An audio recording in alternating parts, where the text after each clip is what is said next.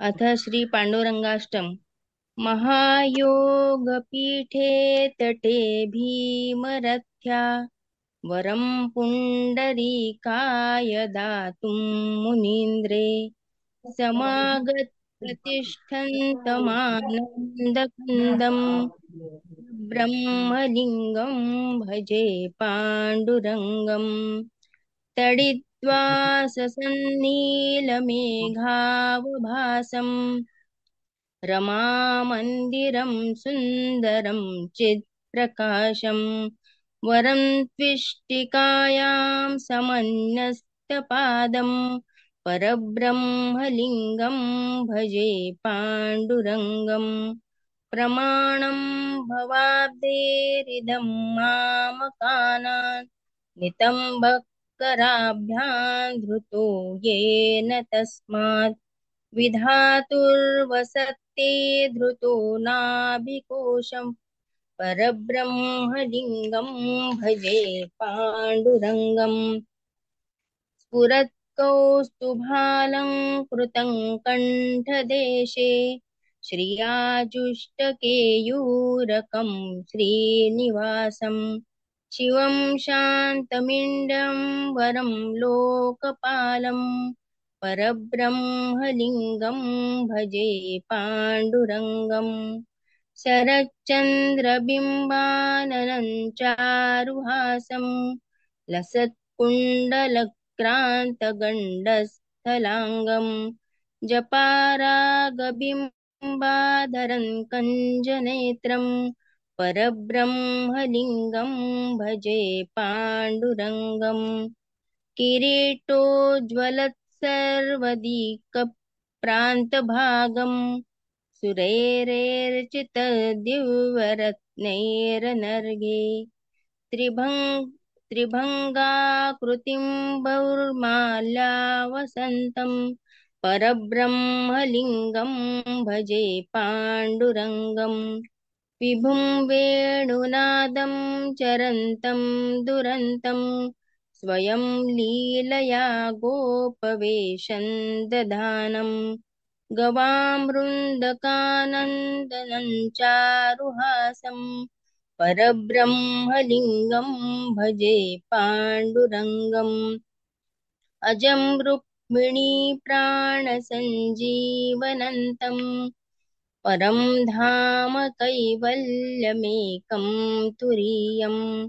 प्रसन्नं प्रपन्नात्यहं देवदेवं। परब्रह्मलिङ्गं भजे पाण्डुरङ्गं।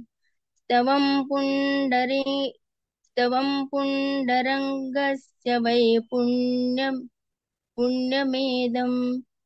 पठन्ते कचित्तेन भक्त्या न चित् नित्यं भवाम्भो निधीन्ते पिनितिर्वान्तकाले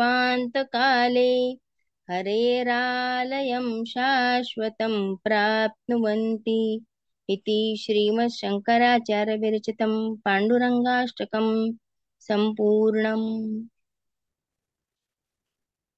यशोदेबाई तुझ्या दुर्गुणे मुलाला करू काय? यशोदेबाई तुझ्या दुर्गुणे मुलाला करू पाय वच्छे माझी सोडून देतो वच्छे माझी सोडून देतो.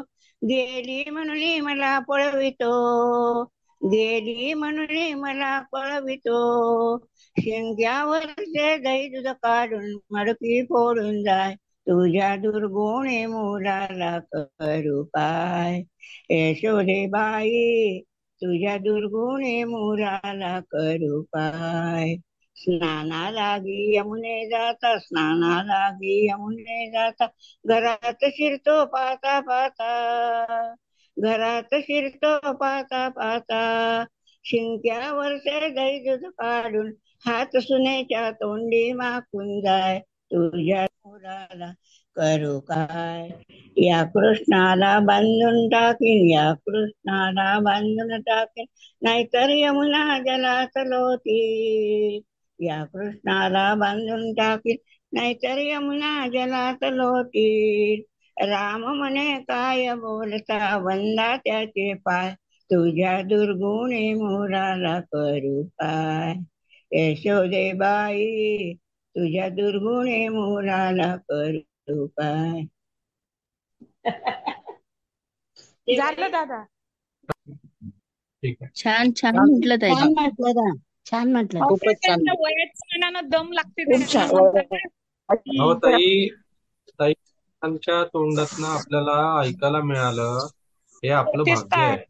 आपलं भाग्य हो. आहे लक्षात घ्या. त्यांनी त्या ज्याच्यातनं इतक्या भावनेने म्हटलं ना ते खूप छान असं आहे. म्हणून जेव्हा शांततेने पाणी बिणी घेऊन तुम्ही हे करा. ठीक आहे. कृष्ण आणि हो. विठ्ठल आजचा विषय आहे. त्याच्यामध्ये अजून कोणाला काही म्हणायचं असेल किंवा विठ्ठलाचं भजन किंवा कुठलंही भजन कुठल्याही संताचं भजन किंवा काय. ज्योत्स्ना जोशीताई आहे तुमच्याकडे काही? विठ्ठलाचे म्हणते. टाळ बोलची पळीला नाच माझ्या संग टाळ बोलची पळीला नाच माझ्या संग देवजीच्या दारी आज रंगला भंग. देवजीच्या दारी आज रंगला भंग. टाळ बोलची पळीला नाच माझ्या संग. टाळ बोले चिपळीला नाच माझ्या संग. देवजीच्या दारी आज रंगला भंग. देवजीच्या दारी आज रंगला भंग. दरबारी आले रंक आणि राव. सारे करूप नाही भेदभाव. गाऊ नाचू सारे हो गाऊ नाचू सारे हो निसंग. देवजीच्या दारी आज रंगला भंग. देवजीच्या दारी आज रंगला भंग. जनसेवे पायी कायाची जवावी घाव सोसुनिया मनेरी जवावी ताल देऊनिया हो ताल देऊनिया बोलतो मृदंग देवजीच्या दारी आज रंगला भंग देवजीच्या दारी आज रंगला अभंग ब्रह्मानंदी देह बुडुनिया जाई ब्रह्मानंदी देह बुडुनिया जाई एक एक खांब वार करी होई कैलासाचा नाथ हो कैलासाचा नाथ झाला पांडुरंग देवजीच्या दारी आज रंगला भंग देवजीच्या दारी आज रंगला भंग टाळ बोलची पळीला नाच माझ्या संग. टाळ बोले चिपळीला नाच माझ्या संग. देवजीच्या दारी आज रंगला भंग देवजीच्या दारी आज रंगला भंग देवजीच्या दारी आज रंगला भंग जय हरी विठ्ठल. खूप छान म्हणलं ताई. धन्यवाद धन्यवाद. दादा मी एक म्हणू का? हो म्हणा ना म्हणा. हा संत सखुबाईचा महिमा आहे थोडस मोठं आहे चालेल ना? अं, हो चालेल चालेल म्हणा. कराड नगरी कृष्णा तीरी क्षेत्र वसविले ब्रह्मपुरी. बामनाची सून सखूबाई गेली होती पाण्यासी. घागर घेऊन गंगेसी. कराडाची यात्रा आली तिने पाहिले अवचित. घागर ठेवून पाव्या संघे निघून गेली पंढरीसे मैत्रिणी सांगत आल्या सखूबाईच्या सासूसे सून तुमची सखूबाई निघून गेली पंढरीसी घागर ठेवून गंगेसी तेव्हा क्रोध आला सखूबाईच्या सासूसी जाऊन सांगे पुत्रासी हाती काठी लागे पाठी सखू आडविली रस्त्यात सखू घालून खोली मध्ये कुलप केले मामोल. दिवस होता निघून गेला मावळला तो दिनमान. सखू बोले पांडुरंगला आरे देवा करुणा कांता कळवाची मी कळवीन. तुझे पाय मज अंतरले प्राणचा पुला देईन. तेव्हा करुणा आली देवाला देवाले धावून. खोली पुढे उभे राहिले कुलप पडले गळून. तीन दिवसी जाऊन यावे ऐसे बोलले वचन. सखुबाई मोकळी केली देवानी टाक मला बांधून. आनंद चित्ती हर्षमाईना सखू चालली रस्त्यान. चंद्रभागेत करुणी स्नान पुंडलिकाचे दर्शन. राऊळामध्ये उभी राहिली गरुड खांबा समोर. पुरे पुरे देवा संसार रमले तुमच्या नामात. पाहता पाहता देह ठेविला निघून गेली कैलासात. तेथे कोणाचे प्रेत पडले कोणी ओळखीना गर्दीत. कराडाची यात्रा आली त्याने ओळखिले अवचित. दोघे चौघे ब्राह्मण मिळून नेली चंद्र भागेत. नेली चंद्र भागेत. रुक्मिण बोले सत्य भामेला देव गुंतले सखू घरी. वारकऱ्यांच्या फौजा येती सुनी दिसती पंढरी. आणि मग इकडे काय झालं? म्हणजे आता सखूबाईच्या घरी कराडाची यात्रा वापस आली तर ते पुढे काय सांगतात ते सांगते सखूबाई जोघे चौघे ब्राह्मण मिळून नेली चंद्र भागेत ब्राह्म सखुबाई ब्राह्मण म्हणे या यात्रे ब्राह्मण वापस आल्यानंतर सखुबाईच्या सासऱ्यांना सांगतायत की सून तुमची सखुबाई पंढरपुरी सव झाली.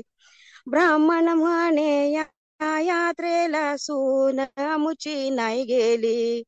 असेल कोणाची कोण सखूबाई एक चारोळी मारली. बाहेर येऊन सखू बोलली का हो आरोळी मारली?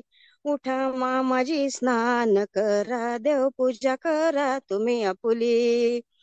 चार प्रहरी समयामध्ये स्वयंपाकाशी सवळी झाली. ब्राह्मण ये जेवण तृप्त झाले येऊन बसले उंच स्थानी. रुक्मिण बोले सत्य भामेला देव गुंतले सखू घरी. वारकऱ्यांच्या फौजा येती सुनी दिसती पंढरी. यमराजाला पत्र पाठवून पाठवून द्यावी लवकरी. चंद्रभागेत करुणी शोध हाडे जमविली पांचारी. आदिशक्तीने अमृत शिपोनी सखू उठवली सत्वरी. सखू गेली वेशी पाशी देव गुंतले सखू घरी. गोभ्रा सासू सासरे चरणी लागती धन्य धन्य तुझ भागीरथी. गोपाळपुरी कबीर नांदे धन्य धन्य रे तुझ हरी. धन्य धन्य रे तुझ हरी. पंढरीनाथ महाराज की जय. छान म्हटलं ताई. छान ताई. छान. थँक्यू धन्यवाद ताई. दादा नाचरे गोमोरावरती एक जेवणात कृष्णाचं जेवण म्हणते. हा म्हणा. मला जेवायला ताटात काय काय घातलंय त्याचं वर्णन आहे. अरे वा छान छान. ओके जेव रे कृष्णा तू पण खिचडी जेव रे कृष्णा जेव जेव रे कृष्णा तू पण खिचडी जेव रे कृष्णा जेव रुपयाचं पाट मांडला रे चांदीचे ताट ठेवले रे. रुपयाचं पाट मांडला रे चांदीचे ताट ठेवले रे. आळूची वडी दह्याची कढी. आळूची वडी दह्याची कढी. नंद नंदना जे जेव रे कृष्णा तौपन खिचडी. जेव रे कृष्णा जेव जेव रे कृष्णा तू पण खिचडी. जेव रे कृष्णा जेव सुंदर रांगोळी काढली रे. कुरडई पापड तळली रे. सुंदर रांगोळी काढली रे कुरडई पापड तळली रे रव्याची खीर बटाट्याची भाजी रव्याची खीर बटाट्याची भाजी दैत्य मर्दना जेव जेव रे कृष्णा तू पण खिचडी जेव रे कृष्णा जेव जेव रे कृष्णा तू पण खिचडी जेव रे कृष्णा देव सोन्याची समाई लावली रे उदाच सुगंध सुटला रे. सोन्याची समाई लावली रे. उदाचा सुगंध सुटला रे. केळीचे पान कोशिंबीरी छान. केळीचे पान कोशिंबीरी छान. कंस मर्दना जे. जेव रे कृष्णा तू पण खिचडी. जेव रे कृष्णा जे. जेव रे कृष्णा तू पण खिचडी. जेव रे कृष्णा जेव बारीक शेवया वळल्या रे. दुधात साखर घातली रे.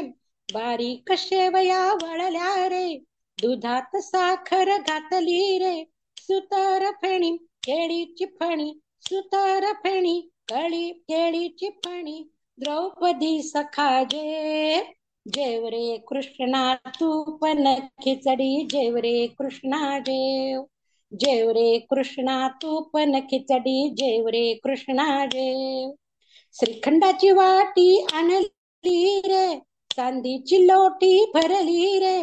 श्रीखंडाची वाटी आणली रे चांदीची लोटी भरली रे.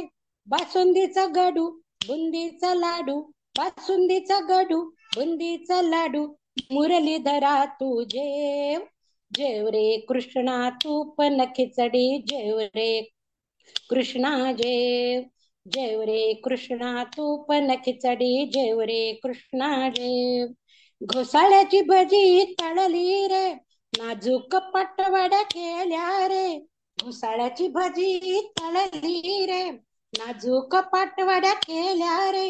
पुरणाची पोळी तुपाची वाटी पुरणाची पोळी तुपाची वाटी रुक्मिणी वराजे. जेव रे कृष्णा तू पण खिचडी जेव रे कृष्णा जेव.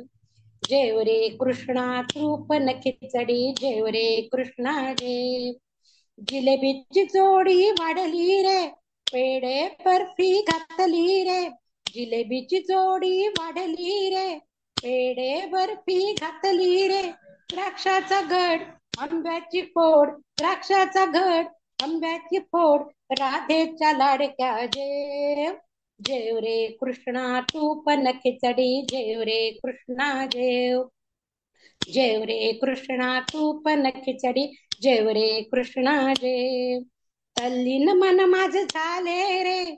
शरण तुला मी आले रे. तल्लीन मन माझ झाले रे. शरण शरण तुला मी आले रे. दीन रजनी वंदिते तुला दीन रजनी वंदिते तुला चरणी प्रसाद दे जेवरे कृष्णा तूप न खिचडी जेवरे कृष्णा जेव जेव रे कृष्णा तूप न खिचडी जेवरे कृष्णा जेव तांबूल पाने आणली रे कातन चुना त्यावरी घातला रे तांबूल पाने आणली रे कातन चुना त्यावरी घातला रे. गुलकंद थोडे मसाला सुपारी. गुलकंद थोडे मसाला सुपारी. देवकी नंदना खा. जेव रे कृष्णा तू पण खिचडी. जेव रे कृष्णा जेव जेव रे कृष्णा तू पण खिचडी. जेव रे कृष्णा जेव खूप छान म्हणलं ताई. खूपच छान आहे. सुंदर सुंदर. छान जेवण झालं कृष्णाचं. मन तृप्त झालं पोट भरलं. खूप छान. असं काहीतरी शोध लागतो बरं का. बुधवारी आणि गुरुवारी असं खूप छान छान असे स्तोत्र मिळतात. बर का दादा? हम्म बोला. हे जे गाणं आहे हे शाकंभरी लिहिलेलं होतं. शाकंभरीचं नवरात्र माझ्याकडे असतं. बरं. शाकंभरी नवरात्र. बरं अच्छा. ते माझ्याकडे असतं. तर त्या ओके. शाकंभरीला मी हे जेवलेलं होतं. नंतर मग माझ्या लक्षात कृष्णाष्टमीच्या वेळेला आले. तेव्हा एक कृष्ण त्याच्यामध्ये नावं घातली. आणि ते पुन्हा मग तयार केलं. हो हो खूप म्हणजे छान. खरं शाकंभरीच आहे हो. हो हो चालेल चालेल. आता रामाला जेव घाला तुम्ही एकदा. बर बर घालूयात घालूयात ओके. बरोबर. ठीक. घालूया घालूया. नाही दुसरं करा. हे म्हणजे रामाचं म्हणजे असं नाही. रामाला तुम्हाला आपण नाही का ते काहीतरी आपण दाखवत होतो. दूध चंद्र दाखवले होते. जी कथा आहे ते तुम्ही आठवा सगळं. हम्म. तुम्हाला जमेल ते छान. आणि बर त्या बर. याच्यामध्ये त्याला एक छान असं मस्तपैकी भजन तयार करा. खूप छान मजा आली. चालेल. खूप छान वाटतंय. आता वैशाली वृषाली त्यांना म्हणू देत ताई श्रीकृष्णाची भूपाळी. उठी गोपाळजी जाई धेनुकडे. उठी गोपाळजी जाई धेनुकडे. पाहती सौंगडे. वाट तुझी. पाहती सौंगडे वाट तुझी लोपली हे निशी. मंद झाला शशी लोपली हे निशी. मंद झाला शशी मुनिजन मानसी. ध्याती तुझला मुनिजन मानसी. ध्याती तुझला भानु उदया चळी तेज पुंजाळले भानु उदया चळी तेज पुंजाळले विकसती कमळे जळा माझी. विकसती कमळे जळा माझी. धेनु वत्से तुला बाहती माधवा. देनुवत्से तुला बाहती माधवा उठ गायादवा उशीर झाला. उठ गायादवा उशीर झाला. उठ पुरुषोत्तमा वाट पाहेरमा उठी पुरुषोत्तमा वाट पाहेरमा दावी मुख चंद्रमा सकळी कासी दावी मुख चंद्रमा सकळी कासी कनक पात्रांतरी दीपरत्ने बरी. कनक पात्रांतरी दीपरत्ने वरी. ओवाळी ती सुंदरी तू लागी ओवाळी ती सुंदरी तुझ लागी. जन्म जन्मांतरी दास हो हरी जन्म जन्मांतरी दास हो हरी बोलती वैखरी भक्त तुझे. बोलती वैखरी भक्त तुझे. कृष्ण केशव करी चरणांबुज धरी कृष्ण केशव करी चरणांबुज धरी उठी गा श्री हरी माय बापा उठी गा श्री हरी माय बापा उठी गोपाळजी जाई धेनुकडे उठी गोपाळजी जाई धेनुकडे पाहती सौंगडे. वाट तुझी पाहती सौंगडे. वाट तुझी. या सुनंदा. दादा ताई. ताई ही आपल्या वेळेस चौथ्या वर्गाला ही दुपाळी होती. बघा. होती ना हो हो. आहे ना? तेव्हा हो, आपण हो. म्हणायचं. चौथ्या वर्गात म्हणायचं हो हो. दादा आठवणी. दादा हा, आज हा. ज्ञानेश्वरी जयंती आहे. प्रसाददान घ्या चालेल प्रसाद दानम अथ विश्वेश्व सर्वात्मक वाद्यज्ञादिह तुष्यतु तुष्टवेदं मे प्रयच्छतु प्रसाददानम् खलत्वं नश्यतु खलानां। सत्कार्ये ते रमन्ताम्। परस्परसख्यं वर्धताम्। जीवभूते।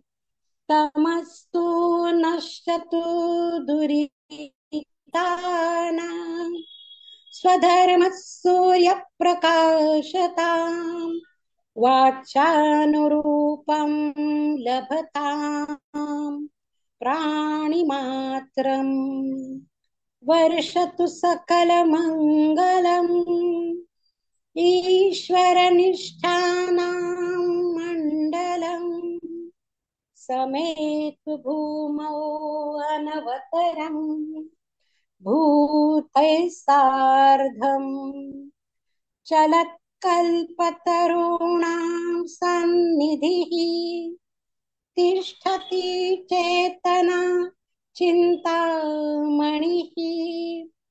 अर्णवास्तेऽपि स्वनन्ति पीयूषस्य। अलाञ्छिताये चन्द्रमस मार्तण्डाय तापहीनाः। सदा ते सर्वेषां सन्तः बान्धवा सन्तु किं बहुना सर्वसुखेन पूर्णतां यातु त्रिलोकम् भजताम् आदिपुरुषम् अखण्डितम्। ग्रन्थस्य येऽभ्यासकाः लोकेऽस्मिन् ते विशेषाः।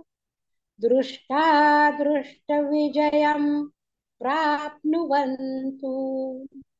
तथास्तु दानप्रसादः इति विश्वेशराजस्य वचः।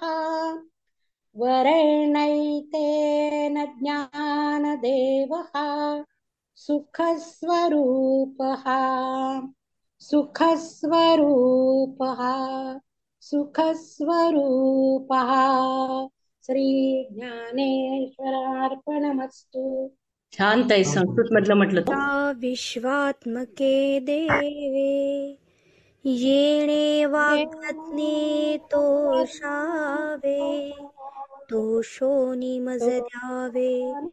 असायदानहे व्यंकटी सांडो तया सत्कर्मी रती वाढो भूता परस्परे पडो। मैत्र जीवांचे दुरितांचे तिमिर जावो। विश्वस्वधर्म सूर्ये पाहो जो जे वांछिल तो ते लाहो. प्राणी जात वर्षत सकळ मंडळी ईश्वरनिष्ठांची मांदियाळी अणवर्त भूमंडळी भेट तुया भूता.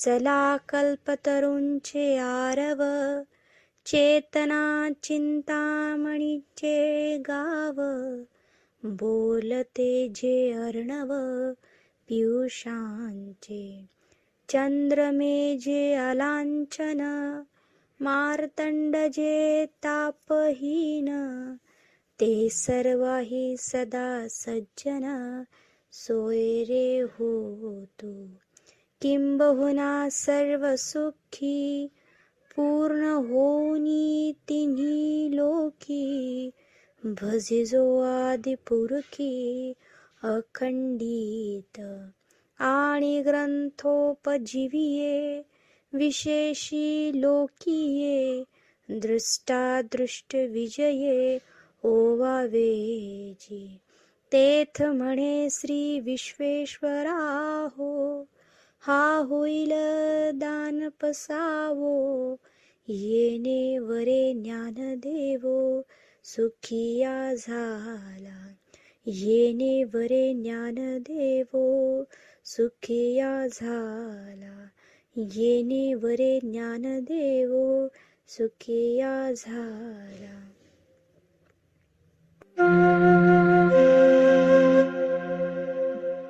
योगेशं सच्चिदानन्द वासुदेवं व्रजप्रियं धर्मसंस्थापकं वीर कृष्णं वन्दे जगद्गुरु श्रीकृष्णं वन्दे जगद्गुरु श्रीराम जय राम जय राम जय राम जय जय राम राम जय श्रीराम राम जय राम जय जय राम श्रीराम जय राम जय जय राम श्रीराम जय राम जय जय राम श्रीराम जय राम जय जय राम श्रीराम जय राम जय जय राम श्रीराम जय राम जय जय राम श्रीराम जय राम जय जय राम श्रीराम जय राम जय जय राम। श्रीराम जय राम जय जय राम।